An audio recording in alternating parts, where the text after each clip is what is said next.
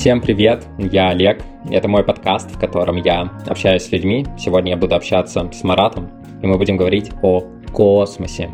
Потому что Марат работал инженером в Роскосмосе и сейчас занимается популяризацией науки. Он за 40 дней проехал 20 городов, прочитал 20 лекций. Мы познакомились с ним, потому что он приезжал в Петербург читать лекцию, и оказался на актерском мастер-классе, который организовало издание «Бумага». Это был фестиваль в их поддержку, потому что их блокирует, и они собирали таким образом денег и проводили прикольные мероприятия. Я заприметил Марата в конце мероприятия, когда он подошел а, к актеру, проводившему мастер-класс, за советами о том, какие упражнения ему можно поделать, чтобы развивать речь. На мастер-классе мы в том числе делали всякое такое ик, ик, ук, ак, ак, ок, ок. Ну, в начале подкаста я как раз и спросил э, Марата, как ему этот мастер-класс, а потом уже дальше диалог э, полился в разных других э, рандомных руслах. Слушайте. Честно говоря, я был в восторге от мастер-класса, потому что я думал, что дадут просто какие-то инструменты, которые можно использовать в публичных выступлениях, но это было больше про контакт с собой, насколько это важно, когда ты и публично выступаешь, когда ты актерским мастерством занимаешься, то есть на грани медитативных практик каких-то и актерских мастерства, и это было очень глубоко, я прям в восторге был. Честно говоря, самое главное, что скрыл этот а, мастер-класс, это то, что можно работать над своей речью, потому что ты правильно говоришь, что для спикера действительно очень важно не только грамотно подавать материал, да, но и то, как ты это делаешь, подача, речь, а, жестикуляция и так далее, и так далее. И вот я уже несколько лет выступаю и вроде с подачей материала разобрался с ну, самим наполнением. И сейчас работаю уже больше над такой частью, как подавать себя, где как лучше сказать, то есть именно над выражением своих мыслей я работаю. И в частности, как раз вот самое сложное для меня было упражнение, это вот упражнение с речью, когда надо было эк, ок, ук там говорить. И более того, я понял, что такого тренинга мне недостаточно, и я даже договорился вот с Федей, который проводил этот мастер-класс, на то, чтобы он мне ряд индивидуальных занятий дал, потому что это действительно очень важно для спикера. В общем, я в восторге был от этого мастер-класса и советую максимально всем, кто публично выступает, пробовать себя в актерском мастерстве тоже. А вы с ним занимались уже? Или ты там когда-то прилетишь в Питер, и это будет э, в офлайне? А, пока мы договорились онлайн, но, честно говоря, я очень подружился с Федей, с актером. Ну, как мы себе актеров представляем, да, такие немножко не от мира всего, да, такие в себе немножко. Но вот этот Федя, он настолько разносторонний, разбирающийся в технике в человек, что мы после этого мастер-класса сидели в баре с ним еще с одним ученым и до практически до трех-четырех ночи разговаривали про полеты на Марс, про NFT, вот про всякие модные а, истории и научные движения. Вот, то есть мы как-то по вайбам с ним сошлись очень сильно.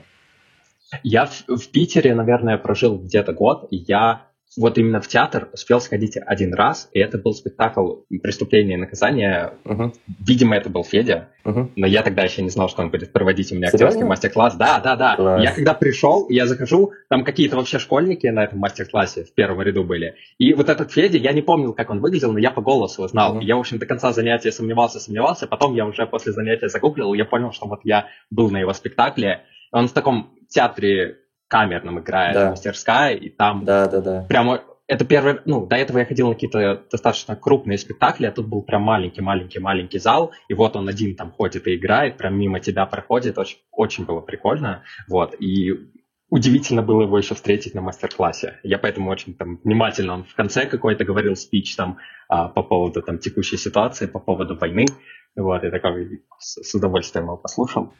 Представляешь, как мир тесен и как все закручивается. И вообще каждый раз удивляюсь, когда такие встречи. Э, встретил человек, человека на актерском мастер-классе, записал подкаст. Да. Э, с актером подружился, э, сидел с ним в баре, и до сих пор мы с ним общаемся, разговариваем про космос. Просто удивительно. А ты те лекции, которые читаешь, это... Ну, сейчас вот ты говорил, что ты катался с лекциями. Это, я насколько понимаю, просто для широкой аудитории. Для каких-то там специалистов, э, что-то такое ты читал? И если, ну, если да, то есть ли какая-то разница именно в подаче материала? А, честно говоря, да, читал. То есть вот эти лекции, да, они научно-популярные. И вот этот ученый говорит, вот этот э, проект, он для, для, скорее, студентов там 18-25 лет. Вот, и здесь важно зацепить студента именно интересом к этой теме, к тематике космоса, чтобы он зажегся, вдохновился. А, при этом я читал лекции, например, для студентов технических специальностей у себя в интернете, в, в университете о том, как принимать фотографии со спутников. Вот, тут уже, естественно, технические части ему интересны. Когда я для более взрослой аудитории читаю, там, 30+, им уже интересно а, то, что в мире сейчас творится. Не в принципе романтика космоса, да, а то, что сейчас в космосе творится, космический туризм, какие тенденции, направления есть и так далее, и так далее. То есть, да, получается, что даже одну и ту же лекцию для, для, для разной аудитории приходится по-разному подавать и разный материал давать, и разные новости давать.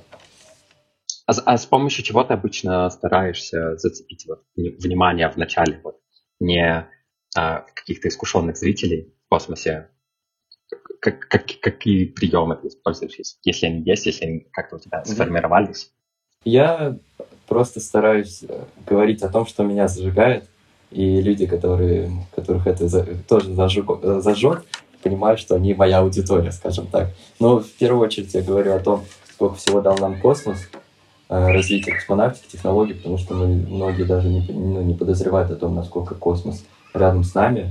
Ну и второе, это, естественно, о нашем будущем, потому что я убежден, чтобы, чтобы мы, как человечество, как биологический вид, чтобы мы развивались, нам нужно куда-то двигаться дальше а, в космическом пространстве, потому что я всегда привожу пример, что сейчас человечество, как биологический вид, это ребенок, который только-только в своей колыбели научился ходить, но уже пытается с этой колыбели куда-то вылезти и делать первые шаги. И как раз первые шаги — это исследование других планет, потому что жизнь же ну, на Земле по ну, теории Дарвина, да, как зарождалась. Сначала там что-то в воде было, потом вышло на сушу, и вот так постепенно сушу заполонили, да. Также, в принципе, и с космонавтикой. Сначала были на Земле, а потом вращались вокруг Земли на околоземной орбите, и пора уже дальше двигаться. Вот об этом в основном а, я начинаю мои лекции, потому что это для меня одна из самых интересных тем. А как-то поменялось вот то, что тебя привело в тему космонавтики, то, наверное, из-за чего ты пошел когда-то работать в Роскосмос, и то, что тебя зажигает ну, уже сейчас, после этого? Я хочу рассказать о том, как я пришел вообще в космонавтику, потому что здесь хочется рассказать какую-то романтичную историю, да, что типа вот космос. Но мне был всегда интересен космос, как любому мальчишке, наверное, в там, 2000-2005 годы, да, ну, всем был интересен космос, читали книжки, и при этом никогда не подозревал, что это будет моей профессией. А, я, мне интересна была физика, математика, и я поступил в университет в Бауманку по Олимпиаде, по Олимпиаде по физике. Я стал призером, и призерам позволяли поступить без экзаменов а, в университет. И мне дали список кафедр, на которые я могу пройти без экзаменов. И этот список я благополучно отложил и вспомнил о нем в последнюю ночь перед дедлайном. Вот, потому что это был май, я, получается, стал призером, понял, что в универ поступил уже, немножко расслабился и вот упустил этот момент. И в итоге мы с папой в последнюю ночь сидели и изучали, а, куда бы лучше поступить. И я прочитал а, название моей специальности о управлении полетом космическими аппаратами. Звучит прикольно. Пойду туда. И вот получается такой неосознанный, что ли, тык в небо получился, но он оказался настолько верным и точным для меня, что вот космонавтика, она же обширная, здесь же много направлений есть. Есть вот управление полетом, чем я занимаюсь, есть проектирование аппаратов, есть там тепловые процессы, аэродинамика и так далее, и так далее. И я вот даже внутри космонавтики прям точно попал туда, где мне максимально интересно. Вот физика полета, управление полетом. То есть вначале это был такой неосознанный тык, потом появилась какая-то романтика к космосу, интерес. А сейчас я, когда уже стал профессионально этим заниматься, работать, понял, что для меня важно именно двигать человечество вперед с помощью самых прогрессивных технологий. И одни из самых прогрессивных технологий как раз в космонавтике есть. То есть мне важно не просто создавать какие-то там рядовые спутники, которые обычная задача решает, а в принципе двигать человечество вперед. И моя большая мечта как раз работать над марсианскими проектами, исследованием других планет или вообще отправлением людей на другую планету. И как такая, возможно, можно сказать, сейчас мечта, ну, кто активнее всего сейчас марсианскую тематику двигает, конечно же, SpaceX, да, Илон Маск, а, его проект по колонизации Марса, и, конечно, мне бы хотелось к нему как-то свою руку приложить, но пока это все увидится очень где-то далеко и смутно, но я думаю, что когда-нибудь я там окажусь.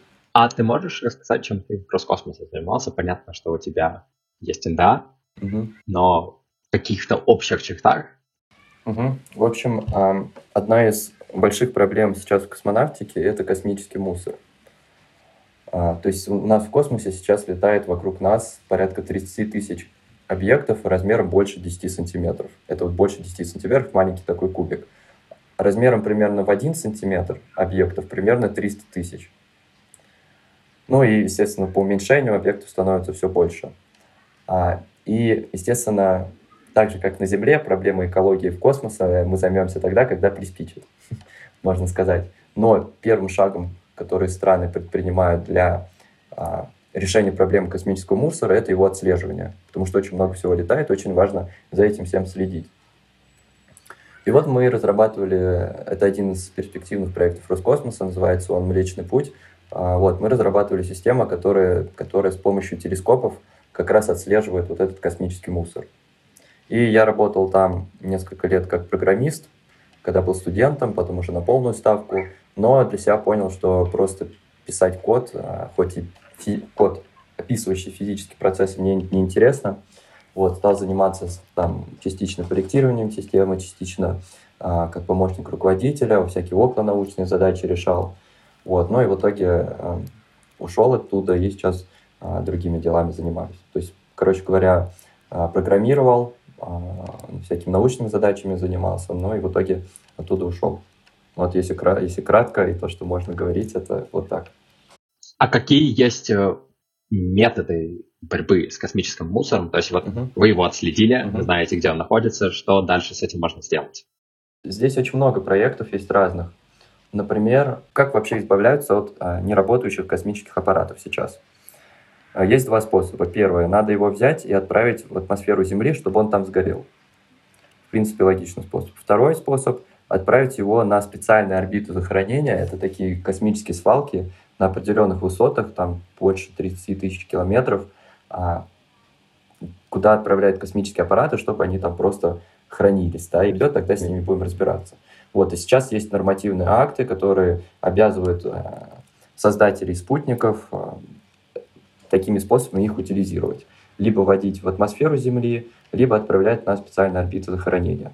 Да, то есть космические свалки пока, пока тоже актуальны. И получается, как можно избавляться от космического мусора? Нужно подлетать к неработающим аппаратам и их отправлять в атмосферу Земли, чтобы они сгорели. Вот. Естественно, а, это работает для более-менее среднего размера аппаратов, которые способны сгореть в атмосфере. А если, например, мы берем МКС, и мы захотим от МКС избавиться, да, это Международная космическая станция размером с половины футбольного поля, даже больше. И если мы его, его отправим в атмосферу Земли, понятное дело, она вся не сгорит, а ее останки упадут. Да? То есть среднего размера аппараты от них вот пока избавляются так, что отправляют в атмосферу либо на свалки. Вот. А что еще можно с ними делать? Есть проекты, которые собираются ловить эти неработающие аппараты прямо на орбите, их э, переплавлять да, и использовать эти материалы либо как топливо, либо на фоне и с помощью этих материалов на орбите, там, с помощью всяких 3D-принтеров или других таких проектов э, строить новые космические аппараты. Вот. То есть, помимо того, что можно эти аппараты сводить в атмосферу, можно их ловить и что-то с ними делать. Да, можно к, к ним подлетать и их отправлять в атмосферу Земли. Можно к ним подлетать и их перерабатывать. Вот, пока других а, таких проектов нету, да, но есть проекты, которые просто не просто подлетают, а с помощью сетки большой, как рыбу, да, ловят, также космические аппараты захватывают. Но пока что это все на бумаге, и, насколько мне известно, таких громких проектов, которые бы решали проблему космического мусора, нету, ну, просто потому что это экономически пока что невыгодно, и никто не хочет на это деньги свои тратить. Ну, то есть это прям очень дорого? Ну, конечно, 30 тысяч объектов – а, естественно, по, по ним всем. Из них, вот я сказал, 30 тысяч объектов, из них функционирующих аппаратов только 7. 7 тысяч. Вот. А, естественно, 23 тысячи аппаратов, они все находятся на разных орбитах, а, какие-то больше, какие-то меньше. Это очень, очень дорого все вместе собрать. Вот, чтобы ты понимал, вывести на орбиту 1 килограмм а, груза – это примерно 10 тысяч долларов то есть где-то 600 тысяч рублей там, до миллиона, зависит от, от э, провайдера э, космических услуг. Вот, естественно, это один килограмм. А такой спутник, который будет собирать космический мусор, еще у него должно быть достаточно топлива, чтобы между аппаратами летать. Но это будет не килограмм, это будет тонны, а то и больше. То есть даже вывести его будет очень дорого, и топливо очень дорогое. Поэтому получается, да, это все очень дорого. Но, естественно, ну, никакая, никакая страна а, пока не понимает, как это можно экономически использовать, да, прибыль с этого получить. А если без прибыли, то типа что, все страны должны скинуться на космический мусор? Ну, типа нет, никто не хочет этим заниматься. А вот эти вот э, проекты, которые по переработке, это уже что-то реально существующее? Потому что вот про то, что сгорает в орбите, я помню, что такое слышал. А вот что именно их вот собрали и как-то переработали, я не помню, чтобы я об этом стал. Э, насколько я помню, это один из а, проектов аспирантов одного из российских университетов, то ли Физтех, то ли МИФИ, не помню конкретно университет, но, насколько я знаю, он на а, эскизное проектирование прошел, насколько я читал, и вот а, он на стадии там тестирования. Не знаю, как они его тестируют, может, берут на Земле макет аппарата делают, его пытаются переработать, но вот на этапе тестирования космос они еще ничего не отправляли такого. Давай к Марсу, и вот угу. к, который ты любишь обсуждать, угу. потому что у тебя, кажется, все состояния касались его. Угу. И прям начнем с темы, которую я тебе вчера отправил. Угу. Ты говорил, что возможно отправление человека на Марс это более удобно угу. для исследования Марса, чем отправление туда роботов. С одной стороны, наверное, мне, как представили, представителя человека, я, естественно, себя ощущаю венцом природы, что я а, все могу, но у меня есть сомнения в этом, потому что, а, во-первых, чтобы вот там человек находился э, в каких-то комфортных условиях, то есть там нужно обеспечивать ему еду, воду, комфортную температуру, отсутствие радиации, а, чего, возможно, а, меньше требуется для роботов. Плюс, наверное, все равно там какой-то физической силы раскопать э, грунта человеку не очень хватит. Возможно, сейчас, да, возможно, сейчас какие-то роботы, которые там, недостаточно развиты, но насколько там действительно нужен человек для исследовательских целей? А может, может, может, более логичный путь это именно все-таки развитие как-то роботов, чтобы они могли там все изучать. Потому что вот, ну, отправить человека, возможно, это ну, красивая такая какая-то маркетинговая идея, которую что продает Илон Маск, но насколько именно это практически нужно для исследований. Угу. Значит, смотри, хочу, чтобы лучше все понимали о том, что представляет вообще собой марсоход. А, всегда такой пример привожу, что представьте, что у вас есть а, маленькая камера на пульте управ... маленькая машинка на пульте управления. У этой машинки запас хода примерно в 10-20 километров, в который она приезжает там за несколько лет. А у этой машинки на управление слабенькая камера, ну и задержка сигналов там 7-15 минут а, в одну сторону. Естественно, с помощью такой машинки какие-то общие знания мы об этом материке получим, но для фундаментальных исследований это, конечно же, будет недостаточно. Точно так же и с Марсом. Вот эти марсоходы, во-первых, они пролетают, проезжают очень маленькие расстояния. Во-вторых, они выполняют, так как задержка с Землей, да, очень большая, они выполняют строго а, строгие операции, которые, которыми их просто на Земле обучили. То есть мы не можем отправить робота на Марс и говорить, так, робот, ты сначала там покопай Землю, потом проедь до льда, возьми пробу льда, оттуда там прыгни в пещеру и так далее, и так далее. То есть роботы, которые сейчас работают на других планетах, они не такие совершенные, они выполняют строгие определенные маленькие задачки. Вот. И в этом плане можно привести в пример Луну, что вот, естественно, до во-первых, скажу, что да, американцы были на Луне. А, у меня был случай, что когда после я прочитал какую-то лекцию, ко мне подошли и спросили, сказали, что вот супер классная лекция, но неужели вы считаете, что американцы были на Луне? А я в ответ ответил, а неужели вы считаете, что Луна, что Луна существует? Вот, то есть факт пребывания американцев на Луне уже доказан не раз, уже и фотографии есть. Я сам делал свой диплом по отчетам Аполлоновской миссии, общался с астронавтами Аполлона 13, например, и гораздо проще было слетать на, на Луну, чем подделать всю эту программу.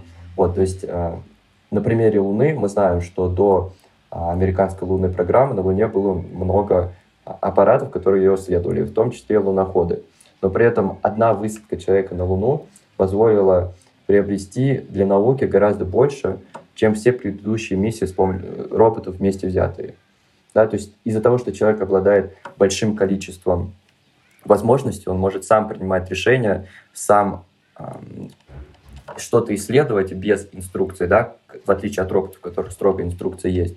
а, очень большой выхлоп для науки получается. Тот же, например, а, грунт. Чтобы взять а, пробу марсианского грунта, да, у марсохода должна быть какая-то особая система, чтобы он там пробурил грунт, там пробы эти берут там совсем с поверхности, 10-20 километров, вот, потом надо это все взять, куда-то отправить, потом этот марсоход должен где-то это хранить и отправить на Землю. В плане человека это все гораздо проще, да, дали человеку лопату, он там выкопал яму, там, метр, взял этот грунт, положил там в карман условно и вернулся на землю. Вот, то есть я не говорю о том, что а, только люди и все. Я говорю о том, что для базовых исследований достаточно марсоходов, но если мы хотим двигаться дальше и двигаться быстрее, то все-таки люди нужны. Вот. И вот недаром после американской лунной программы перестали аппараты на Луну отправлять, просто потому что для науки максимальный выхлоп уже получили с помощью вот этих пяти высадок на Луну. Вот, и пока что там ну, не, не так много аппаратов стали запускать. Вот, и в этом плане здесь нужен какой-то оптимум. То есть если мы изучаем с помощью роботов, это все долгосрочное, это все долго, но при этом как бы дешевле и меньше рисков. Если мы хотим получить супер быстрый выхлоп какой-то для науки, быстрые какие-то исследования, то мы отправляем туда человека, это все дороже, как ты правильно сказал, сложнее обеспечить человеку комфортную жизнь, но при этом возможно. Но получается больше и гораздо быстр, более быстрый выхлоп для науки. То есть вот тут оптимум нужно выбирать долго, а, но дешевле, или быстро, опаснее, но огромный выхлоп. Как-то так. Помимо этого, кстати, важный момент, а, перспективный для исследования Марса, это то, что на Марсе есть пещеры, то есть там грунт в некоторых местах проваливается, и есть даже фотки пещер. И мы знаем, что на Земле, да, в пещерах часто бывает, ну, тепло, хороший климат, можно сказать. Плюс, а, в пещере, так как это под грунтом, да, а, грунт защищает от, марси... от радиации, да, и есть уже исследования, которые говорят о том, что если закопаться марсианский грунт примерно на один метр, то уровень радиации будет таким же, как на Земле. И, возможно, в этих пещерах Марса есть что-то живое, да, потому что там климат более комфортный, меньше радиации. Ну и как мы можем исследовать пещеру? Представляешь, какой нужен робот универсальный, чтобы он мог в эту пещеру а, запрыгнуть, там вообще непонятно, что внутри этих пещер, а, вот, и потом еще и вернуться. Ну, а человеку здесь, понятно, гораздо более проще, он может там на тросах каких-то в эту пещеру спуститься, осмотреться и потом вернуться. Ну, вот такой у меня обширный ответ получился. Но для человека я же, ну, во-первых, ты не сможешь ходить там как по земле. То есть ты все находишь в каком-то скафандре, который тебя сковывает. Скорее всего, ты не можешь там ходить по 10 километров в день. Ты, скорее всего, также передвигаешься на какое-то небольшое расстояние. Плюс а, даже, да, ты, возможно, какой-то небольшой грунт откопаешь лопатой, но даже вот какие-то пещеры, какие-то тросы, это же все равно какое-то оборудование, которое придется туда доставлять. То есть, в принципе, и так, и так это нужно будет оборудование. Просто тут им будет управлять человек, а так бы ну, этим оборудованием управлял робот. А, да, конечно, для того, чтобы человеку комфортно было работать, для этого нужна инфраструктура определенная, да, и скафандр, и станция, и атмосфера, как на Земле, и так далее, и так далее. В скафандре я имею в виду. Но при этом, а, ну, если мы отправляем человека на Марс, да, то мы работаем над инфраструктурой для него. Если мы, работаем, мы отправляем на Марс марсоход, то мы помимо меньше работаем над инфраструктурой и больше работает над программированием этого робота, да. А вот на Земле же роботы, они строго определенные задачи выполняют, правильно? Ну, так и на Марсе этот робот будет строго определенные задачи выполнять. И тут вопрос, а что сложнее сделать? Инфраструктуру для человека создать или создать робота, который запрограммировать его так, чтобы он мог а, все эти операции вместо человека совершить? Потому что искусственный интеллект это, ну, еще пока что не на таком уровне, чтобы мочь, а, ну, вот так прям на ходу принимать решения. То есть здесь вопрос, а что сложнее? А насколько мы близки к тому, чтобы отправлять туда человека и, строить его и для него инфраструктуру? Вообще, ну, вопрос, сколько, скольких это лет, вот по твоему какому-то ощущению? Это 10, 20, 30, 50? Ага. Смотри, Маск заявляет, что к 29 году будет первая высадка на Марс, а к 50-му будет колония размером в 1 миллион человек. Вот, и Маск рано или поздно, он свои а, обещания выполняет, что так было и с Falcon 9, и с возвращением ступеней, и с Теслой, и с ракетой Starship. То есть постепенно он все свои а, обещания выполняет, но сроки, конечно, сдвигаются. Вот. А, какие есть проблемы сейчас, которые мешают полететь на Марс? Первое – это у нас не, ну, чтобы долететь до Марса, нужна а, сверхтяжелая ракета, потому что чтобы долететь до Марса, нужно разогнаться до второй космической скорости, даже больше, чем вторая космическая скорость, это 16 км в секунду. Для этого нужно много топлива, ну и, соответственно, огромная ракета. Вот, таких, такие ракеты уже были, например, а, ракета «Сатурн-5», на которой, опять же, американцы летали на Луну, да и э, ракета-носитель, на которой «Буран» летал, «Энергия», и Space Shuttle, то есть, в принципе, на этих ракетах можно было лететь на Марс, но сейчас сверхтяжелых ракет функционирующих практически нету. Вот. И эту ракету как раз Маск и разрабатывает, ракета Starship. И вот в следующем году он обещает а, орбитальный полет этой ракеты совершить. То есть чем раньше появится ракета, тем раньше мы сможем, в принципе, до Марса долететь. Вот, помимо ракеты, а, когда мы себе представляем полет на другую планету, мы себе представляем, вот как показывают в фильмах, там, Интерстеллар, Марсианин, какие-то огромные станции. Вот, сейчас мы космические аппараты, на которых летают космонавты, представляют собой такие бочки размером, э, диаметром там, в 3-6 метров. Естественно, в таких бочках пол, ну, долго не пролетишь. А на Барса лететь э, по оптимальной траектории примерно полгода. То есть полгода в одну сторону, полгода в другую сторону. То есть нам нужен еще и большой корабль, чтобы долететь до Марса. Ну, такой большой корабль тоже Маск а, строит, можно сказать. То есть нужна большая ракета, нужна большая, большой корабль. Помимо этого есть нерешенная проблема. Это проблема защиты от радиации. На Земле от радиации нас спасает а, магнитное поле Земли. На Марсе это магнитное поле в разы слабее, но на Марсе от радиации можно спасаться, просто закопавшись в марсианский грунт. Вот примерно на метр. Кстати, это Российская Академия Наук это исследование представила. Но как спасаться в полете, непонятно. Вот. И вообще у человека, у космонавта есть а, максимальная доза радиации, которую он может налетать за карьеру. Вот рассчитали вот этот уровень без угрозы для организма. И оказывается, по расчетам, полет на Марс и возвращение с него будет равен как раз вот этому уровню радиации стандартным, который космонавт может выдержать без угрозы для жизни.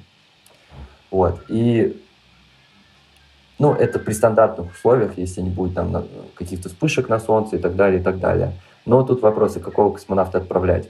Опытного, который уже свою дозу радиации налетал, но при этом сверху него будет еще угроза организму, так как он дополнительную дозу получил. Или неопытного, который еще может много радиации получить без угрозы для организма. Вот, то есть проблема радиации пока что тоже стоит под а, вопросом. Помимо этого, как раз тема, которой я занимаюсь, это проблема возвращения с другой планеты.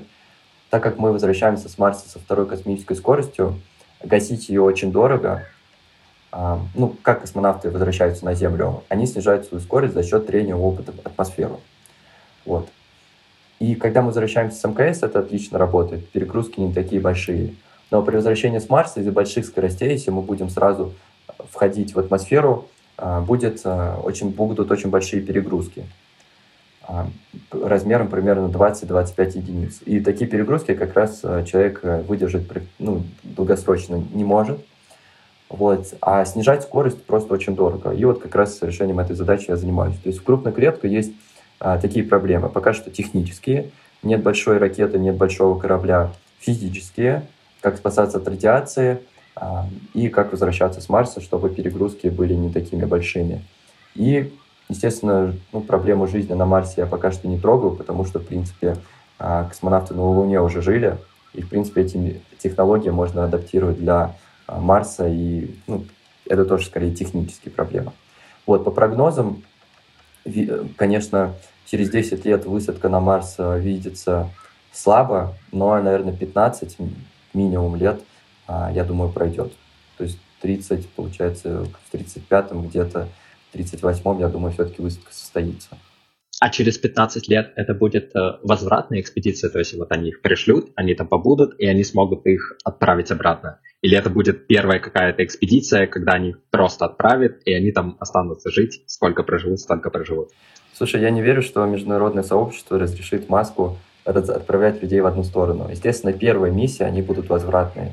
А у нас вся надежда только на Маска, то есть больше какие-то другие страны, другие люди, другие компании, какой-нибудь Роскосмос, они сейчас в принципе не разрабатывают и не думают о таких вещах. Но Могу рассказать примерно, что в пилотируемой космонавтике сейчас происходит. Значит, почему Маск? Потому что это частная компания, и она не, не обременена а, бюрократией, и вообще все а, разработки Маска, они ведутся супер оперативно и супер быстро. Поэтому если с той же скоростью он будет двигаться дальше, я думаю, у него очень скоро будут результаты.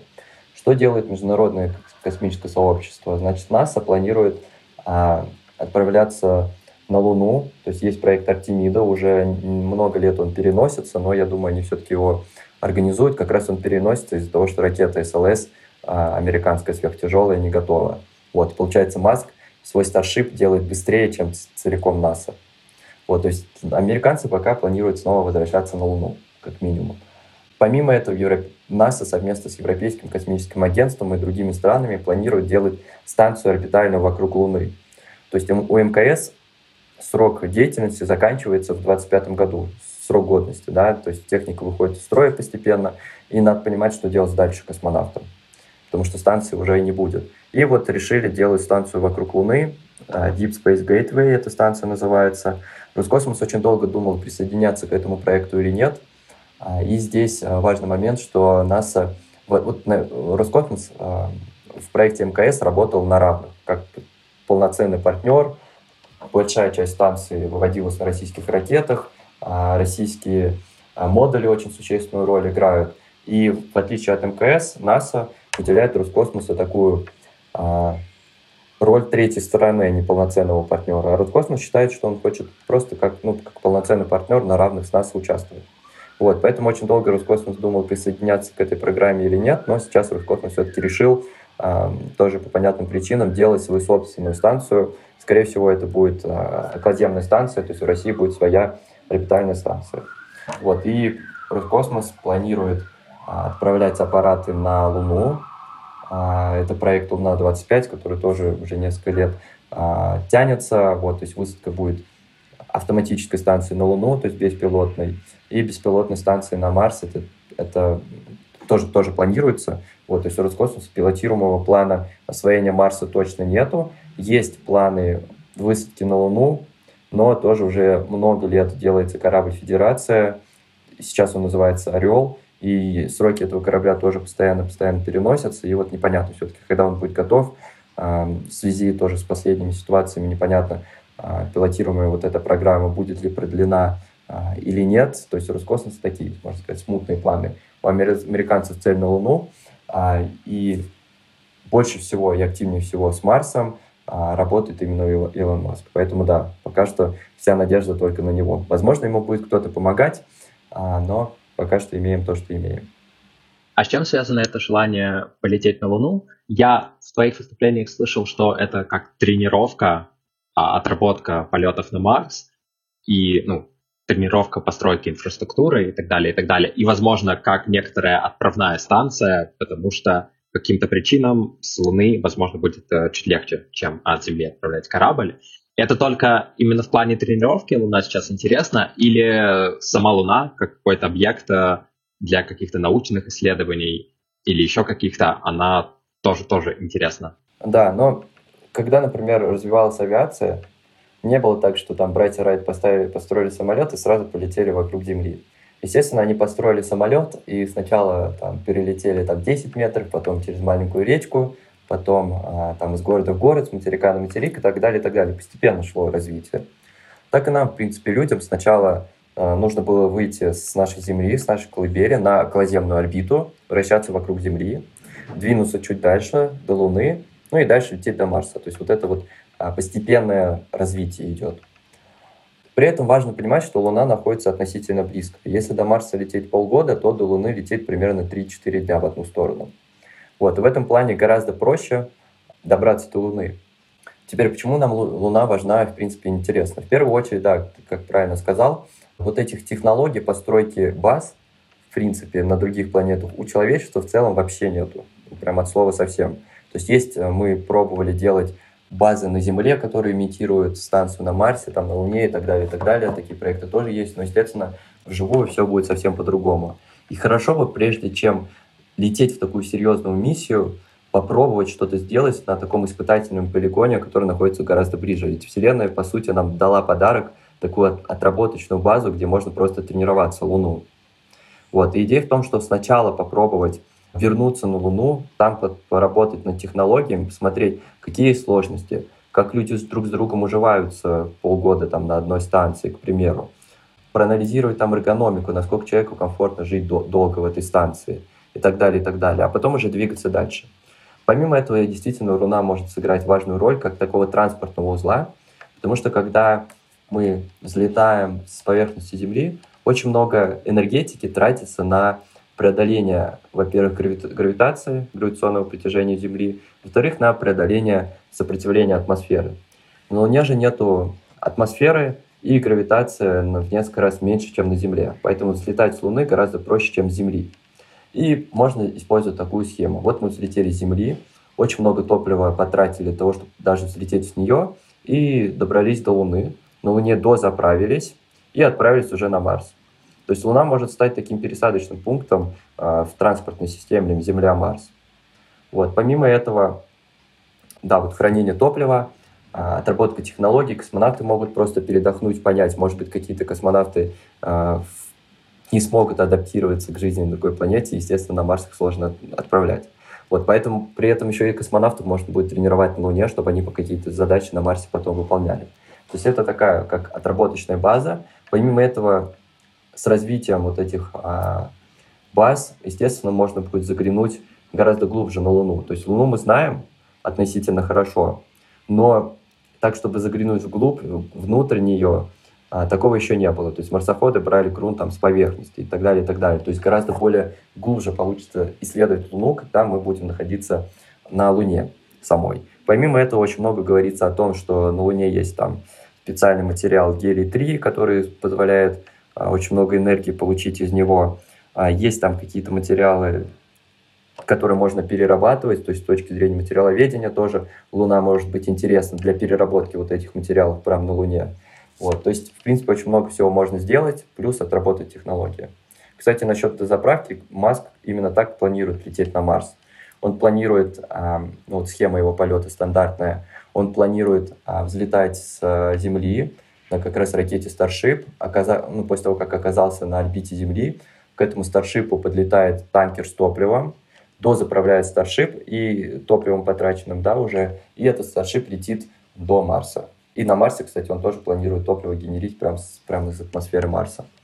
Вот, то есть заправка топливом тоже важная задача. Много всего затронул. Как будет генерироваться топливо из атмосферы Марса? Ага, значит, э, ракета Мар- Маска, вот этот а, летает на жидком кислороде и метане. То есть всегда у ракеты есть два компонента топлива, у жидкостное, это окислитель и горючее. И вот э, Маск выбрал такие компоненты, метан и жидкий кислород. Вот, кислород, в принципе, на Марсе уже добывали.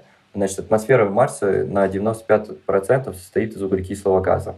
И был э, один из марсоходов, который, на котором был специальный прибор, который позволял из, вот, из атмосферы, как я понимаю, из уки... не, не силен в химии, но, как я понимаю, из углекислого газа выделить именно кислород. Да, то есть, в принципе, как добывать кислород, вроде бы научились. Вот, осталось только а, научиться добывать метан из атмосферы Марса, а, но, как я понимаю, раз Маск за этим заявляет, такие технологии у них тоже есть. То есть просто из атмосферы Марса с помощью химии получать компоненты топлива, на которые ракеты летают. Кстати, а почему, почему ты не силен в химии? Это был какой-то... У меня просто есть история, что э, я вроде бы какой-то был достаточно любопытный до наук в школе. Я прям ждал, что у нас начнется химия, я ее буду учить. И у нас была учительница по, по природоведению, абсолютно мерзкая учительница. И она вела у меня то ли первый, то ли второй год химии. И, по сути, когда я пришел на первый ее урок, у меня как бы вся, все, все, все желание учить химию, она отпала. Чуть позже, где-то в классе девятом у нас поменялась учительница на учительница, которая преподавала биологию. И она была очень-очень неплохая. А, и я, наверное, достаточно неплохо помню какие-то вещи из биологии. Но вот это вот отбило прям, ну, отбило у меня желание тогда учить химию, и в итоге химия прям самый такой пробел в моем образовании. Я даже а, учился в ВУЗе, который я бросил, а, и там был один семестр химии, просто какой-то такой дополнительный, и это был полный провал, потому что мне на экзамене просто так нарисовали тройку. Я пришел, посидел на нем, что-то промямлил, мне сказали, типа, три, иди, потому что, ну, как бы непрофильный предмет. А, интересно, у тебя? То есть ты просто не знаешь ее глубоко, или у тебя тоже какой-то случился не матч э, с химией? Слушай, похожая история вообще-то, когда ты школьник и представляешь себе, что, о, сейчас будешь химию изучать, ты представляешь себе такие пробирки, да, ты их там что-то смешиваешь, какие-то взрывы получаются. Вот, примерно похоже я представлял, а, но пришел на уроки, там были какие-то формулы, вообще абсолютно никаких экспериментов не было. А, вот, то есть учительница, да, действительно сыграла большую роль.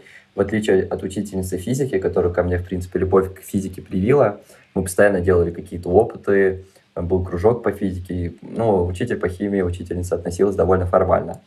Вот. И я пытался как-то свой интерес подогревать, когда шла ну, базовая какая-то химия, но когда пошла там органическая химия и так далее, и так далее, я уже пустился на самотек, сфокусировался на физике. И тоже, кстати, в университете тоже похожая история, чтобы как-то избавиться от сдачи экзамена по физике, по химии, мне предложили написать статью про а, типа защитные материалы для космических аппаратов. Вот я написал просто условно как реферат, а, и меня тоже поставили экзамен автоматом по, по химии. Вот, так что в этом плане я тебя хорошо понимаю, тоже разочаровал, разочаровался а, в химии, и действительно учителя большой вклад в это внесли, сожалению. Но если когда-нибудь будет интересно и нужно, и мне скажут, мы тебя возьмем в SpaceX, если ты поймешь, как получать из атмосферы Марса метан, то я с радостью буду химию изучать. А насколько ты близок к тому, чтобы устроиться в SpaceX? Ты пробовал какие-то отправления резюме туда, в принципе, или а, ты понимаешь, а, какие скиллы тебе нужно подтянуть, чтобы там оказаться? Слушай, если бы я работал в Роскосмосе и отправлял резюме в SpaceX, меня бы, скорее всего, посадили. Вот. Но я знаю, насколько мне известно, что а, даже американцам тяжело попасть в SpaceX, это во-первых. А, во-вторых, а, у них же финансирование частично Пентагона, да, то есть много пусков для Пентагона они делают, поэтому там нужно а, гражданство иметь, как я понимаю, либо вид на жительство в Америке, но я пока от этого далек. Вот, но думаю, что когда-нибудь я все-таки начну туда отправлять резюме или как-то каким-то образом там окажусь, пока еще не знаю каким. Так что пока далек, пока далек. Я вспомнил, что я еще хотел спросить. Это про топливо и про какие-то ресурсы из космоса, насколько есть вероятность, что когда-то в будущем мы будем не качать нефть из Земли, мы не будем строить атомные электростанции на Земле, а мы будем просто привозить э, какое-то топливо или какую-то энергию доставлять из космоса сюда. Это реалистичные какие-то проекты, или это все всегда будет слишком дороже, чем просто пользоваться ресурсами Земли? Слушай, мне, честно говоря, в это верится, потому что нам сложно сейчас представить, чему нам приведут, а, к чему нас приведут исследования космоса. То есть, когда создавали электричество, да, никто не подозревал, что мы будем летать там в космос и использовать электричество в космосе, да. А также, в принципе, из исследования, возможно, мы долетим до Марса и там найдем какой-то ресурс. Или тот же гелий-3 как-то научимся перерабатывать. То есть мне это видится возможным.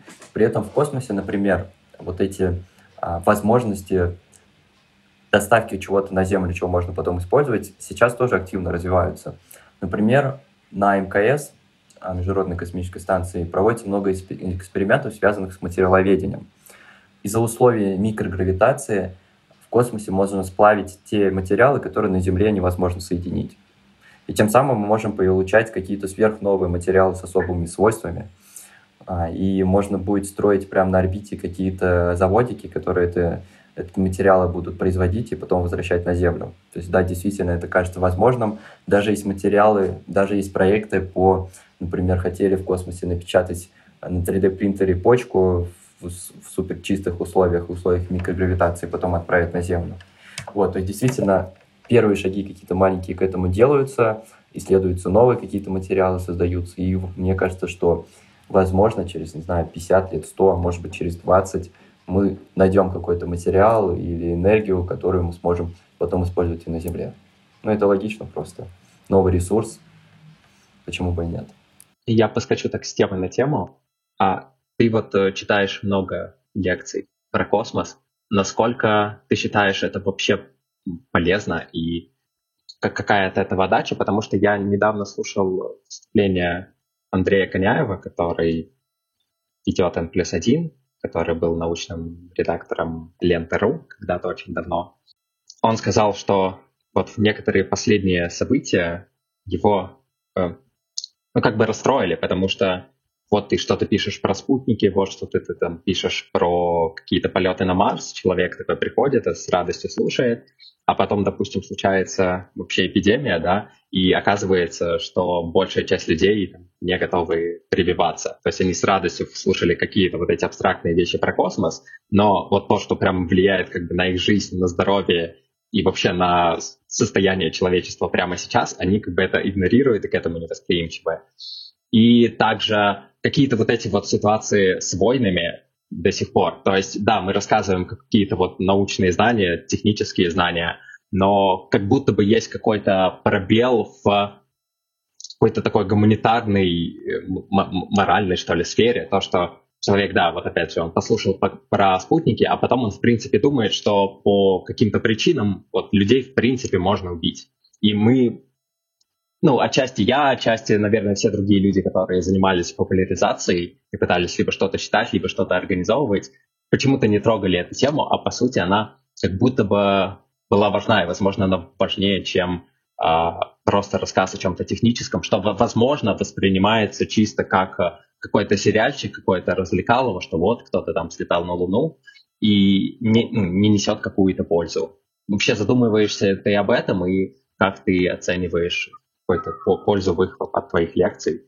Я не знаю, может быть, к тебе подходил человек, и он вот послушал твою лекцию, и там загорелся идеей там куда-то поступить. Э, Слушай, да, это очень интересный обширный вопрос, который ты затронул. Я действительно об этом думала, какая вот польза от того, что я читаю. И тут важно понимать цель. То есть а, я знаю спикеров, которые тоже занимаются популяризацией, и они дают знания, которые можно здесь и сейчас применить. А, например, есть потрясающий спикер, а, который а, рассказывает про сон, как правильно спать в научно-популярном формате. Да, есть потрясающий спикер, ее фамилия Груздева, она ученая и много делает экспериментов с мышами, вот как в фильмах показывают. И как раз она в своих лекциях рассказывает про сон, как, можно, как правильно спать. И эти знания люди могут применить здесь и сейчас. И я вот тоже думал, а какая у меня цель, э, мои же знания типа не применить а, здесь и сейчас. А, и для себя я открыл таких два возможных направления. То есть в первую очередь а, люди вообще в принципе не особо знают, что в космосе сейчас происходит. И моя задача донести людям то, что делается сейчас в космосе. То есть я как бы от лица всех ученых и инженеров представляю результаты их работы. То есть это важный момент, потому что СМИ этим не очень активно занимаются, плюс э, люди интересуются только, когда инфоповоды есть, да. То есть моя задача в первую очередь донести людям ну, актуальную информацию о том, а что, собственно, в космосе происходит. Это важно. А второй момент. Потому что не зная того, что происходит сейчас, мы, в принципе, не сможем что-то новое исследовать. А, второй момент – это, естественно, зацепить людей интересом к теме, да, а, ты правильно сказал, что вот даже если один человек из зала заинтересуется и захочет работать в космонавтике, это будет уже успех для меня, потому что а, я убежден в том, что действительно космонавтика — это одна из самых прогрессивных и важных а, направлений развития, в принципе, человечества. И чем быстрее мы будем развиваться и двигаться дальше в космосе, тем быстрее мы как биологический вид будем развиваться. Вот, поэтому важно мне вовлечь людей в эту тематику. Возвращаясь к вопросу о том, что, да, вот мы говорим о высоком, а, про космос, но при этом а, забавный момент, когда а, ты рассказываешь про космос, и вдруг у тебя преза перестает работать или э, вырубается электричество в том месте, где ты проводишь лекции. Вот в Петрозаводске такое было как раз. Ты такой думаешь, блин, какие космические аппараты, какой Марс, когда мы не можем настроить там презентацию. Но это не должно исключать того, что это нужно делать. То есть всегда обособленно стоит фундаментальная наука мы никогда не знаем, что из науки выйдет. Вот. И то, что на Земле не все проблемы не решены, не говорит о том, что Марсом не нужно заниматься. Наоборот, э, ну, наука — это как, а, что ли, плодородная почва. Если ее поливать, что-нибудь да вырастет. Например, в том же Data Science да, искусственный интеллект использует математические методы, которые сотни лет назад были открыты. Вот мы никогда не знаем, что а, выйдет из науки в том или конкретном исследовании, где можно его будет применять. И если проблемы на Земле не решены, не говорит о том, что, а, что нужно а, этим не заниматься. Помимо этого, опять есть у ну, популяризаторов науки, вот у меня такие задачи. У других каких-то популяризаторов науки есть задачи, например, развинчивание мифов, да, то же самое про вакцинацию. Кто-то рассказывает, а почему важно вакцинироваться. То есть тут уже а, с точки зрения подачи научно-популярного формата уже абсолютно другая задача – развеять определенный миф и заблуждение людей. Да, то есть я больше про а, актуальные проблемы и направления движения в будущем, а, и, в принципе, развитие интереса к теме, а кто-то про здесь и сейчас, а, какие сейчас есть проблемы и, в принципе, образов... ну, про образование людей. То есть научпоп тоже разным бывает, это я к этому. Вот как-то так. Я подумал, что, наверное, у нас а, тот момент, что мало рассказывают людям про космос, наверное, отчасти связан с тем, что у нас нет какой-то а, взаимосвязи между а, тем, что людям интересно и на что в итоге тратятся деньги, потому что я так понимаю, в США и вот это то, что SpaceX, а, Маск там, по сути, какие-то маркетинговые высказывания э, делает, и то, что они а, там как красиво что-то а, снимают, и вот эта вот акция, то, что они просто Теслу в космос а, запускали, я как понимаю, они это делают, потому что а, потом им а, либо правительство США, либо какие-то, я не знаю, инвесторы, они готовы в это вкладываться, потому что таким образом образуется какой-то вообще запрос общества, и это как бы ну, влияет на их финансирование. А насколько я понимаю, наверное, в России и, наверное, во многих э, каких-то других э, странах нет а, такой взаимосвязи, и, соответственно, как бы рассказывает или не рассказывает, ты все равно получишь какие-то примерно одни и те же деньги на это все. Смотри, а как думаешь, во сколько раз меньше бюджета Роскосмоса, чем у НАСА? Mm. А давай предположу, что раз в 10, например. Ну, почти. Из открытых источников 20. То есть, по идее, мы за год делаем, э, мы за 20 лет делаем то, что они за год, по идее. Поэтому сравнивать их подходы и наши вообще очень сложно, потому что финансирование абсолютно разное. Это, это вот э, только государственное финансирование, НАСовское. А еще есть сверху и частные инвесторы, типа, а, типа Маска, Virgin Galactic, Biogen, ну и все такие ребята. Вот. И, естественно, в условиях а, ограниченного финансирования Роскосмос фокусируется на более приоритетных задачах. Да, то есть чисто на технике, например, и так далее. Помимо этого, действительно, к сожалению, у нас традиции такие, что у нас не особо принято а, о таких вещах рассказывать, хотя бы потому, что в советское время космос был ну, такой околовоенной и около ну, запретной темой, и не всегда об этом говорили. Например, тот же Королев Сергей Павлович, да, отец-прародитель нашей космонавтики, даже когда Гагарина он запустил, никто о нем не знал, о нем только стало известно только после его смерти. Вот, то есть у нас не было никогда особо тенденции к популяризации науки, особенно космонавтики. Вот, при этом у Роскосмоса есть э, всякие движения в направлении популяризации. Например, э, многие слышали о кинофильме «Вызов». Да, это отправили двух актеров на Международную космическую станцию для того, чтобы они а, снимали там а, первый в истории художественный фильм в космосе, первый в мире. И очень много людей, я постоянно спрашиваю у людей мнение, мнение об этом фильме, кто что думает. Э, многие считают, что это просто распил бюджета. Но я все-таки считаю, что этот фильм был важным шагом, в принципе, для популяризации космонавтики России. Почему? Потому что а, вот это был супер классным инфоповодом, и люди стали гораздо больше интересоваться в космосе.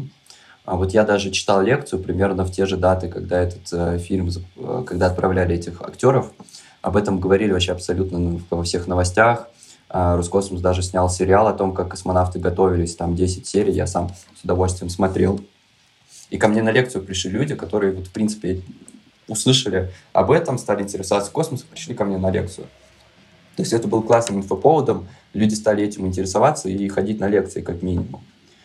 А, вот, то есть это был такой важный популяриз... проект по популяризации космонавтики. Очень классно это все Роскосмос освещал. Люди стали больше слышать о космосе, интересоваться о космосе. Еще и сверху Роскосмос благодаря этому фильму получил заявки на космический туризм, потому что показал как бы свои возможности в космосе, да.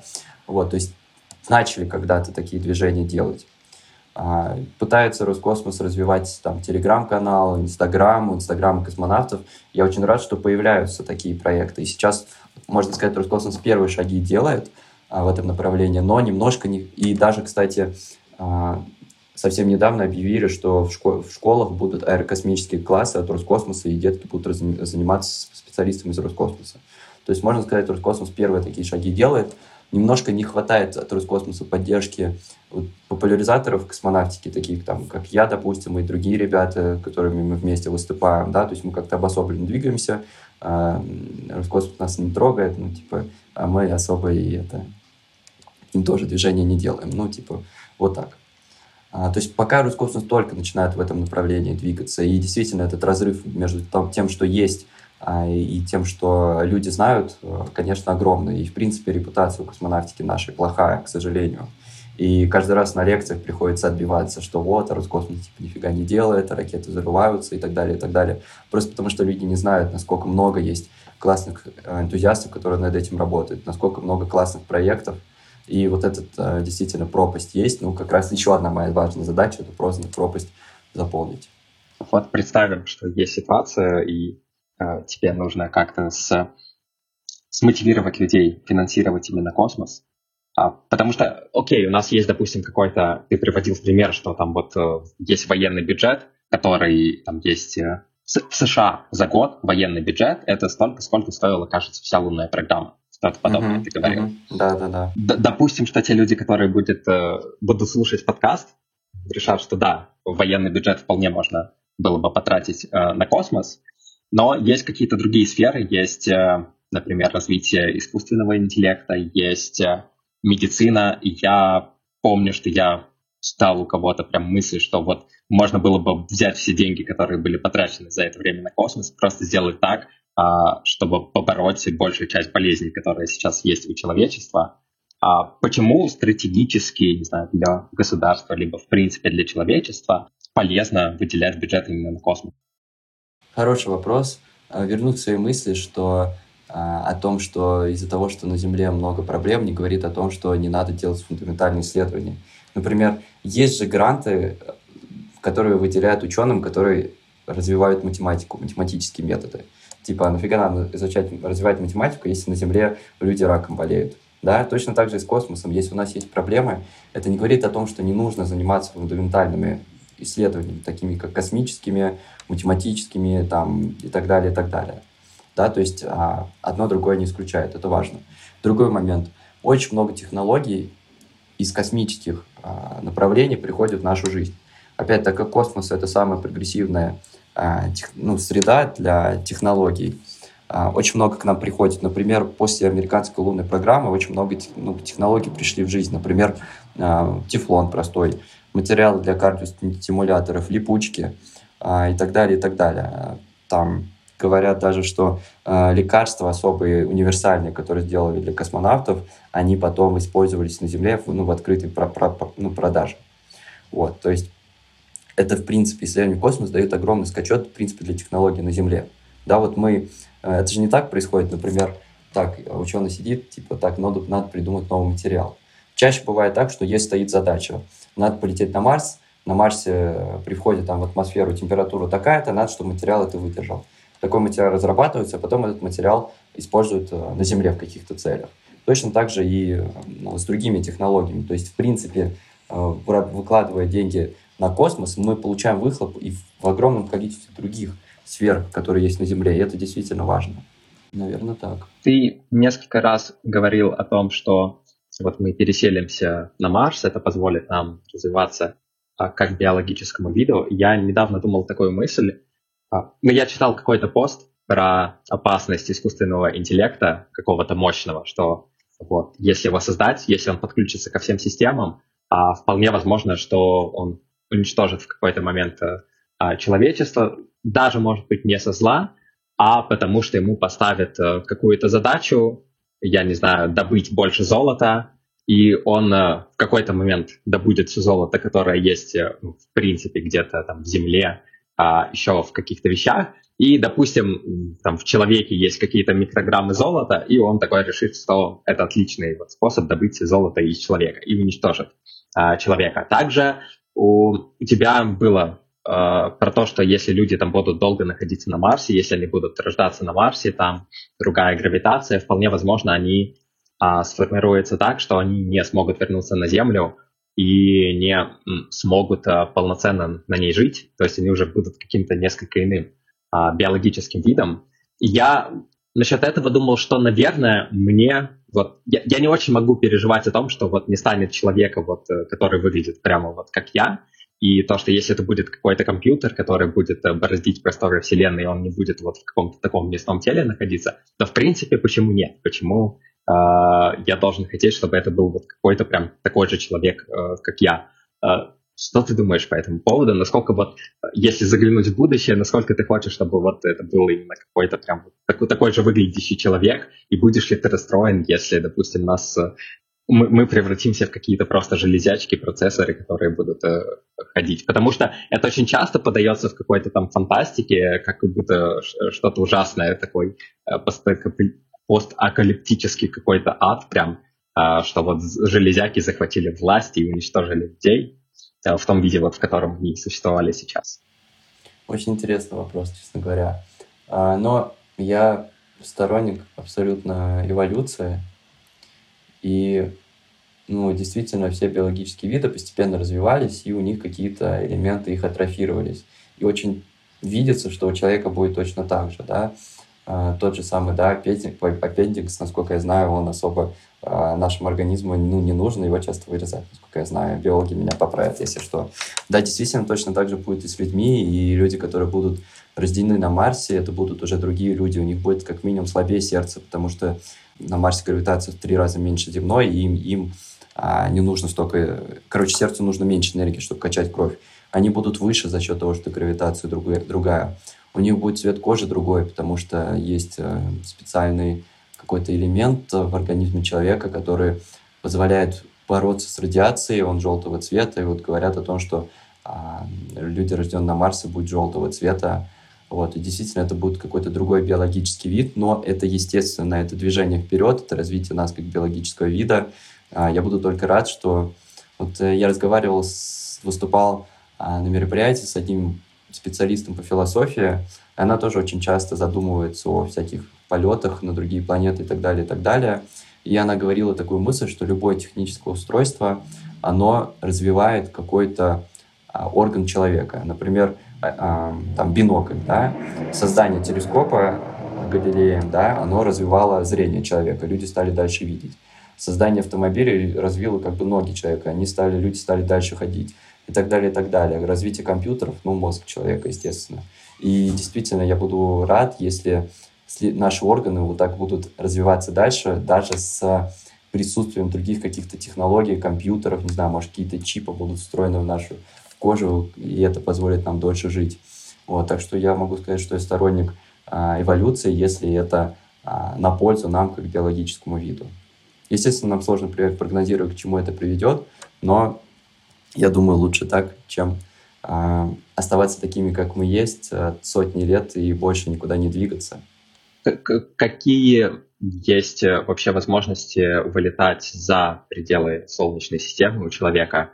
То есть мы сейчас даже не долетели пока что до Марса, mm-hmm. а плюс как бы оставаясь в нашей Солнечной системе, мы все так же будем привязаны к Солнцу, да, которое в какой-то момент как-то погаснет, и мы перестанем просто за счет этого существовать, а, что, ну, понятно, что это как бы очень далеко, но что нам нужно, чтобы вообще выдвигаться за пределы Солнечной системы. И насколько тут э, даст то, что вот мы долетели до Марса. Если мы долетели до Марса, э, позволит ли это просто эти технологии как-то масштабировать и отправлять какие-то более дальние экспедиции? И если нет, то какие технологии будут еще нужны? То есть я, насколько понимаю, там какая-то, наверное, будет необходимость сделать так, чтобы мы отправляли не какого-то живого человека, а скорее либо каком-то его состоянии, а, я забыл, я забыл слово, но в каком-то... Анабиоз. Да, анабиоз, либо какие-то просто эмбрионы, которые просто по, на момент прилета а, будут как-то развиваться. А, тут есть два направления. Значит, первое направление вот до Марса лететь, да, как мы поняли, там полгода в одну сторону, полгода в другую. До других планет там 5 лет, 10 лет, 40, 50, сотни лет и так далее, и так далее. Чтобы вылететь из Солнечной системы, это вообще ну, несколько поколений нужно. А почему? Потому что сейчас, в принципе, ракеты и космические аппараты летают на принципе реактивного движения. Что это такое? Когда, например, мы надуваем воздухом шарик, обычным воздухом, и отпускаем, а, шарик летит в одну сторону, воздух в другую. Это и есть реактивное движение. Движение тела за счет того, что от него отделяются частички. Вот точно так же ракеты летают. топливо под большим напором выходит из а, сопла двигателя, и за счет этого в противоположную сторону летит ракета, реактивное движение. И вот этот принцип человечество очень хорошо освоило, и мы его в космонавтике активно используем, а, чтобы ну, повышать свою скорость. Скорость в космическом полете – это фундаментальная величина. И почему на Марс такой полет такой длительный? Потому что а, вот этот процесс реактивного движения, он очень энергозатратный, и нужно много энергии для того, чтобы развивать, э, ну, развивать космические скорости. Это важно. То есть пока, можно сказать, вот э, люди раньше ездили на лошадях, пока что мы в космос вот так на лошадях летаем. И даже до ближайших планет нам лететь а, там 5, полгода до Марса того же. То есть пока что нету вот таких физических новых принципов, которые позволяют очень быстро куда-то долететь. Вот. И, в принципе, сейчас космонавтика, может, многие говорят об этом, что доходит до своего пика технологического, и очень мы ждем вот такого э, физического прорыва, когда появится вот такой новый физический принцип, который позволяет, позволит по-другому увеличивать свою скорость. Непонятно, когда это произойдет, и произойдет ли есть это вообще. Есть, например, всякие эксперименты, а, что там на Земле быстро раскручивают аппараты, и за счет этой раскрутки аппарат получает большую скорость и улетает в космос. Есть всякие электромагнитные пушки, но это пока что все даже до реактивного движения не дотягивает. То есть пока что нету, как минимум, принципа физического, который позволяет а, очень быстро куда-то находить, ну, долетать. Вот, допустим, этот принцип мы не изобретем. А, ты правильно сказал, что если мы будем летать с теми же скоростями и технологиями, которые есть сейчас, то нам нужны а, несколько поколений для того, чтобы там улететь за пределы Солнечной системы. Ну, что мы можем в таком случае делать? А, строить огромную станцию, сажать туда колонию людей, чтобы они там а, жили, и их дети уже или там внуки, правнуки долетали до точки назначения. Да, не знаю, насколько это гуманно. Либо можно, как ты сказал, каким-то образом а, людей там замораживать, в сон вводить, эмбрионы отправлять и так далее, и так далее. Но, естественно, все, что, о чем я сказал, это пока что на уровне фантазии, и непонятно даже, когда такое а, можно будет реализовать. Вот, то есть а, либо мы находим какой-то физический принцип, либо как в том же интер... «Марсианине», «Интерстеллар», классный, классный фильм «Пассажиры», да, где они в этом корабле все засыпают и куда-то летят, либо вот как-то так. Как, как вообще ты видишь э, образование э, школьное, то есть чтобы, чтобы ты туда добавил, ну, именно вот э, касаемо про космос и вообще, а, как бы насколько это важная часть для образования детей, потому что я вот часто думаю, что в школе как будто бы не хватает каких-то на самом деле практичных вещей о том, как, не знаю, вести какой-то финансовый бюджет, или о том, возможно, бы просто сделать прям в школах уроки вождения. Сейчас, наверное, это уже отмирает, потому что, наверное, мы каком-то ближайшем будущем окажемся в ситуации, что у нас, в принципе, наверное, вождение будет на автопилотах, но, наверное, если бы 10 лет назад такое вводили, это а, был, было бы какой-то полезной вещью. А как ты вот считаешь, во-первых, нужно это школьникам преподавать в, в, в каком объеме и Э, как именно, и какие-то, может быть, впечатления именно от вузовского образования, потому что, ну, я, честно, наверное, ничто не могу про него сказать, потому что я вот прям проучился год, и я как бы бросил. У меня единственная была ситуация, что я пришел в вуз, а без э, понимания, зачем ты пришел, как вот у нас принято в России, ты закончил, и ты идешь куда-то учиться. Я вот как-то рандомно выбрал специ... Э, специальность, просто на нее пришел. И, наверное, одной из причин, почему я ушел, потому что я не очень понимал, зачем я тут нахожусь и э, что будет, собственно, в финале моей деятельности, чем я буду заниматься. Я даже сейчас не могу это понять э, по прошествии нескольких лет, что вот если бы я закончил, я был, чем бы я занимался сейчас, было бы мне это полезно или нет. И да, какие вот изменения, может быть, высшее образование, потому что, может, там все хорошо, ты скажешь, может, все отлично, и ты был всем доволен, может, там не хватает какой-то каких-то практических uh, навыков, может быть, uh, там нужно каких-то, я не знаю, возможно, больше каких-то вообще стажировок или каких-то таких э, игровых проектов. Я не знаю, есть ли такое в ВУЗе, нет такого в ВУЗе. А, вот, вот э, про школьное образование и про вузовское образование, чисто твои какие-то субъективные впечатления. Да, тоже очень интересная тема. А, сразу про вузовское образование, тут я тоже с тобой абсолютно согласен. Вот я когда а, ушел из Роскосмоса, я а, словил ощущение, что весь мой путь был как по рельсам. Что, знаешь, типа, хорошо отучился в школе, поступил по Олимпиаде в хороший универ, пошел на хорошую работу, И хоть было и интересно, то особо не было времени пощупать, посмотреть, а то ли это на самом деле. Вот. И в этом плане у студентов и, в принципе, у детей очень большой разрыв между образованием и реальной отраслью. В том числе и, допустим, школьник хочет пойти работать в космос. Он вообще не понимает реалии космонавтики, что сейчас происходит, какие будут уровень ЗП, а, что будет через 7 лет, когда он закончит там магистратуру, а, какие проекты будут актуальными и так далее, и так далее. То есть это разрыв очень большой. И тут, кстати, а, есть один проект, не помню название, который обеспечивает школьникам консультации со студентами вот этих направлений, куда школьники хотят пойти. Вот это, я считаю, очень классное направление, чтобы сократить разрыв между школьниками и студентами, студентами и э, сотрудниками, чтобы люди вообще понимали реальные специфики, куда они идут работать.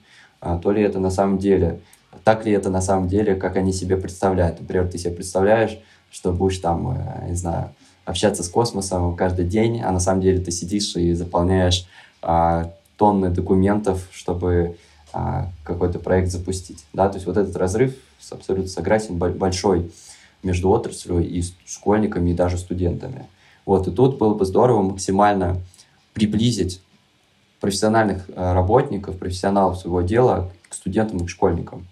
А, говоря о школьниках, например, я, у меня есть группа школьников, шестиклассники, семиклассники, которым тоже тема космоса интересна, и мы с ними проектируем свою станцию на Марсе. Да, то есть они напрямую человеком из отрасли взаимодействуют, строят э, станцию, получают знания о космосе, ведут свою научную деятельность первую, и это очень важно для развития будущих детей как ученых. И то, что реш... Роскосмос решил делать аэрокосмические классы с людьми из отрасли, это, я считаю, очень здорово, очень важным шагом, который позволит через 10 там, лет получить высококлассных специалистов. Вот. И важно, чтобы таких проектов было как можно больше. И для студентов я считаю, что максимально важно свои знания применять на практике. Я практически с первого курса работал в молодежном космическом центре Бауманки, и это позволило просто на голову быть выше остальных э, специалистов, студентов э, и даже некоторых преподавателей, потому что я сразу же свои знания применял, сразу же какие-то исследования проводил, а, и получал новые знания выше школьной, ну, университетской программы. То есть очень важно, я считаю, для студентов максимально рано стараться участвовать в реальных проектах, как студенческих, так и ну, профессиональных уже. И классно было бы здесь между отраслью и студентами тоже какие-то а, направления развить. Например, очень развито в космонавтике, когда студенты на полставки идут работать в отрасль. Вот, это тоже очень здорово. Вот. Но я вроде все про плюсы, минусы тоже есть. А, то действительно важно, а, особенно в космонавтике. Космонавтика — это очень динамично развивающаяся отрасль, очень динамично, очень много стыков наук между там математика, физика, информатика. А, и важно вот эти стыки наук развивать. То есть не так, что ты пошел изучать управление космическими аппаратами и все. А, например, оказывается, моя специальность на 50% состояла из программирования. Я понятия не имел об этом, когда поступал. И в университете нас программированию не учили, нам приходилось самим это все изучать. И получается вот стык наук, физика полета и программирование. И важно вот, чтобы вот эти стыки наук были обеспечены, чтобы люди были очень разносторонними и, в принципе, не узкие тематики давать. Например, нам давали знания, которые используют там один а, отдел из всего Роскосмоса, да, очень узкие какие-то знания, которые, блин, 90% специалистов даже в космонавтике не нужны. Вот. И я сторонник того, чтобы образование было максимально а, широкое, чтобы потом люди уже на своих местах могли адаптироваться к тому, что им, интерес, что, что им нужно. А, помимо этого важно, опять так как отрасль динамично развивается, постоянно менять программу обучения, постоянно. А, постоянно вносить, например, а, еще пять лет назад кубсаты, маленькие космические аппараты были вообще не актуальны. Сейчас планируются группировки из десятков тысяч таких аппаратов. И это вообще отдельное направление. И важно вот адаптировать университетскую программу под то, что реально сейчас в отрасли происходит. У нас же, ну, мы знаем, что мы живем в довольно бюрократичной системе, а, к сожалению, во многих вузах это актуально, и очень неохотно эту рабочую программу меняют, а то и часто просто сокращая какие-то рабочие часы, ну, часы студентов, часы лекций, вместо того, чтобы более какие-то новые подходы внедрять. То есть нужно очень важно отслеживать то, что сейчас в мире происходит, и это внедрять. Вот, то есть, подытоживая, а, для школьников важно сократить разрыв со студентами из отраслью, чтобы они реально понимали, с чем придется иметь дело, реально ли их мечта — это то, чем они хотят заниматься.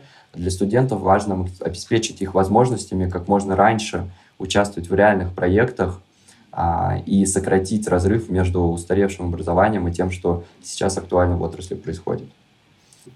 Смотри, я думаю, мы можем заканчивать. И напоследок я тебя спрошу наивный uh-huh. детский вопрос. Uh-huh. Так как твой канал называется в Телеграме «Юра, мы справимся», оказавшись перед Гагарином, что ты ему сказал бы или спросил бы? Я ему бы сказал бы, что Юра, хоть мы немножко и заплутали, но мы справимся. Вот, на самом деле мне было бы интересно а, и с Королевым, и с Гагарином поговорить на тему, что, как они себе представляли исследование других планет, потому что вот те ракеты, на которых сейчас летают, те же Союзы, те же космические корабли Союз, а, Королев их задумывал еще вкладывая туда технологии, на которых можно будет летать на другие планеты, на Луну, на Марс, немножко их адаптируя.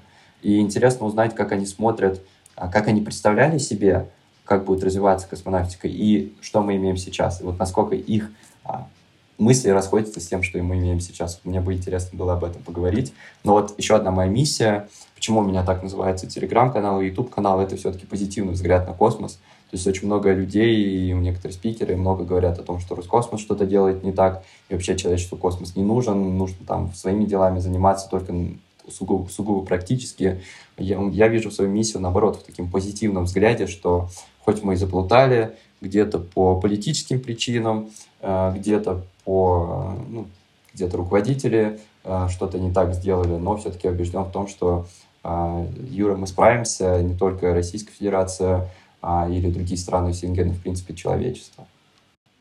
А кстати, есть, может быть, какая-то книга или какой-то фильм, который рассказывает про космос будущего, ну, как это будет развиваться, который тебе кажется, что это вот наиболее похоже на правду, и ты бы предсказывал, что, наверное, так и будет, и чтобы человек вот это почитал и посмотрел и понял, чего Я очень люблю фильм «Марсианин» и книжку «Марсианин». Во-первых, ну, действительно, а, она очень классно написана. Недаром ее писал человек, связанный как-то с отраслью, с космонавтикой, и с наукой. Очень классно а, все моменты, тонкости показаны. То есть ближайшую перспективу действительно а, книжка «Марсианин» довольно классно освещает, и фильм, кстати, тоже. Ну, там есть свои огрехи, но все-таки освещает. Из фильмов мне очень нравится, ну, не в фильмах или, или книжек, а книжка, ну, в принципе, «Война миров» и «Марсианская хроника», потому что они такие противоположные. То есть в «Марсианских хрониках» люди прилетают на Марс и начинают как-то ущемлять марсиан в «Войне миров» марсиане прилетают и начинают ущемлять людей. И очень интересно сравнивать эти книжки, и, типа, а как будет на самом деле. И будут ли э, э, земляне высшие расы, которые будут э, какие-то технологии у других миров отнимать, или же наоборот, все-таки нас будут пытаться как-то поработить и так далее. Вот это довольно интересная мысль, потому что мы привыкли себя представлять а, вершины да, разума и движения вперед. Ну а может быть и не так все будет. Я так понимаю, ты думаешь, что если бы у нас было несколько разных вот космических цивилизаций, мы бы встретились, у нас бы продолжилась, в принципе, а, вот эта штука, которая у нас происходит на планете Земля, что мы бы начали как-то конфликтовать и пытаться друг друга уничтожить и захватить э, какие-то чужие ресурсы, или, в принципе, просто из какой-то там, я не знаю, зависти или страха, наоборот, боязни того, что те нападут первые на нас, и все, ну, несмотря на развитие технологий, несмотря на возможность путешествия в космосе, мы бы вот конфликтовали и э, воевали. Бы Слушай, честно, не хочется верить, что будут какие-то конфликты, хочется надеяться на партнерство или сотрудничество. Если это высшая раса какая-то, то хотелось бы верить, что они добрые и нам помогут. Если это низшая раса, хотелось бы верить, что мы добрые им поможем и будем дружить. То есть опять позитивный взгляд на космос. Но мы видим, как на Земле развивались э, события, да, Опять же, когда Колумб там открыл Америку и так далее, а, стал, появился конфликт с индейцами, а, не получилось договориться, и ну, стали убивать э, других людей, да.